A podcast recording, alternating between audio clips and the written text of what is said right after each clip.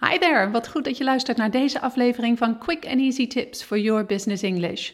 Vandaag geef ik je een steuntje in de rug als het gaat om netwerken in het Engels.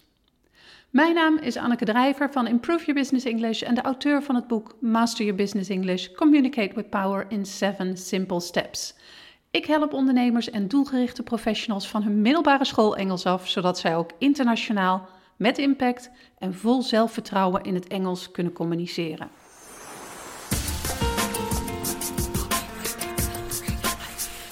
Netwerken is de nummer één manier om jouw product of dienst onder de aandacht te brengen. En als dit netwerken nu ook nog plaatsvindt in een omgeving waar veel Engels sprekenden zijn, is dat des te meer reden om je goed voor te bereiden. Want je wilt ook in het Engels positieve aandacht trekken, toch? Als je geabonneerd bent op de podcast van Quick and Easy Tips for Your Business English, weet je dat het in eerdere podcasts al vaker over netwerken is gegaan.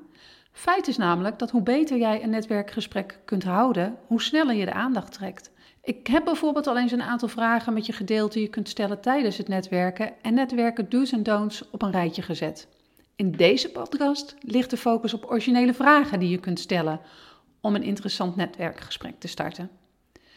Stel je eens voor dat je op een internationale conferentie bent en dat je er na een praatje van een spreker van overtuigd bent dat die spreker jouw ideale klant of jouw perfecte samenwerkingspartner is. Helaas ben je niet de enige die dat denkt en is 20% van de zaal hiervan overtuigd. En nog een probleempje: de spreker is geen Nederlander. Dus hoe stap je dan op diegene af? Hoe begin je nu op een sterke manier een Engels gesprek? En belangrijker, hoe onderscheid je jouw praatje van het verhaal van de overige geïnteresseerden?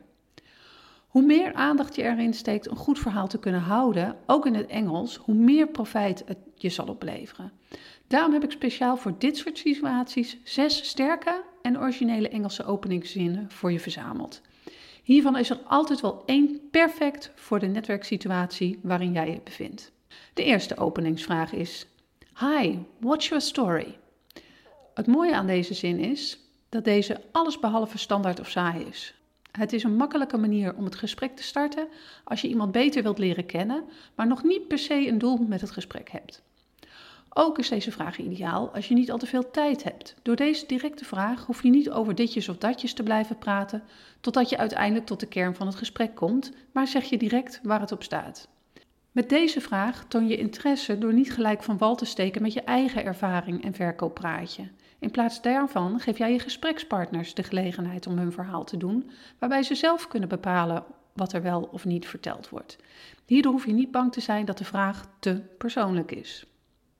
De volgende, vraag nummer 2. What is the most interesting thing you have heard today? Als je graag wilt doorspreken over een onderwerp dat die dag ter tafel is gekomen, bijvoorbeeld bij een plenair onderdeel, is deze vraag interessant voor jou. Er is namelijk grote kans dat deze vraag een tegenvraag tot resultaat heeft, waarbij jou gevraagd wordt waar jouw interesse lag. Zo kun je snel toewerken naar het onderwerp waar je het over wilt hebben. Daarnaast is het ook een interessante vraag om te peilen of de zakelijke interesses van jou en je gesprekspartner overeenkomen. En mocht dat niet zo zijn, dan is het hopen dat het antwoord je nieuwe dingen leert die je die dag gemist hebt. Vraag nummer 3. What is the best part of your job? Met deze vraag kun je beginnen als je al achtergrondkennis hebt over iemands baan. Bijvoorbeeld als diegene daar vlak daarvoor een, iets over heeft gezegd. Uiteraard kun je deze vraag ook later in een gesprek stellen. Waarom deze vraag zo ideaal is? Omdat je personen heel makkelijk enthousiast kunt maken door ze te laten vertellen over hun passies. En deze vraag is misschien wel de eenvoudigste manier om mensen naar dat gespreksonderwerp te leiden. Vraag 4. What are your professional goals? Stel je voor, je bent er voor 95% van overtuigd dat de ambities en bezigheden van een aanwezige van waarde kunnen zijn voor jouw bedrijf, of juist dat jij iets kan betekenen voor de anderen.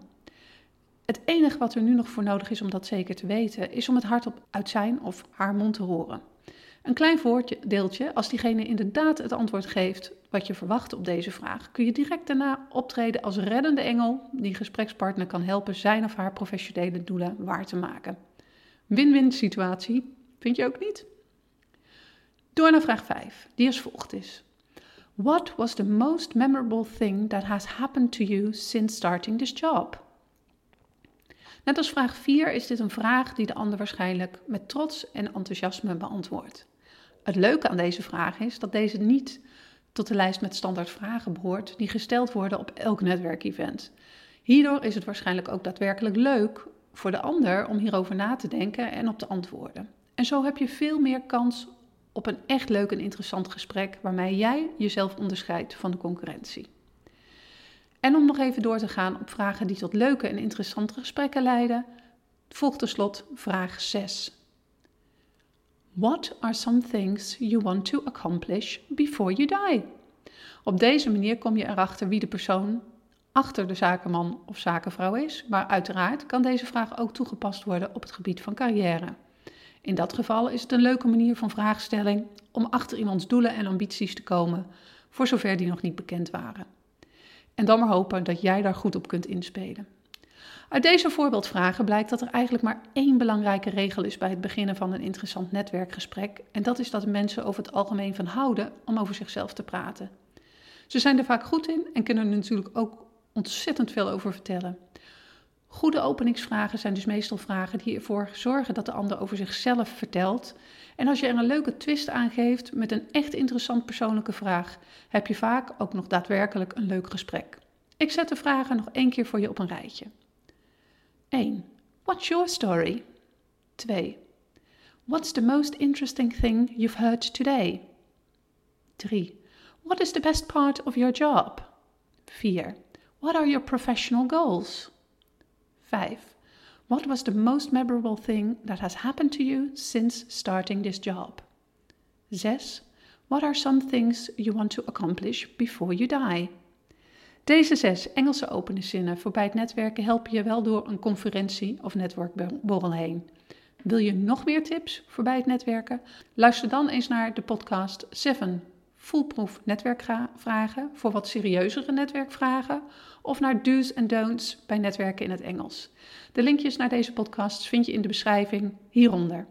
Heb je nu het idee dat de moeilijkheid van het netwerken bij jou niet ligt bij het starten van het gesprek, maar aan de Engelse taal? Dan is mijn boek Master Your Business English iets voor jou. Het leidt je langs alle belangrijke aspecten van zakelijk Engels die jij nodig hebt om goed beslagen te ijs te komen en bevat interviews met top professionals die jou tips geven voor het internationaal zaken doen. Ook deze link vind je in de beschrijving van deze podcast. Dit was het voor deze keer. See you next time with quick and easy tips for your business English.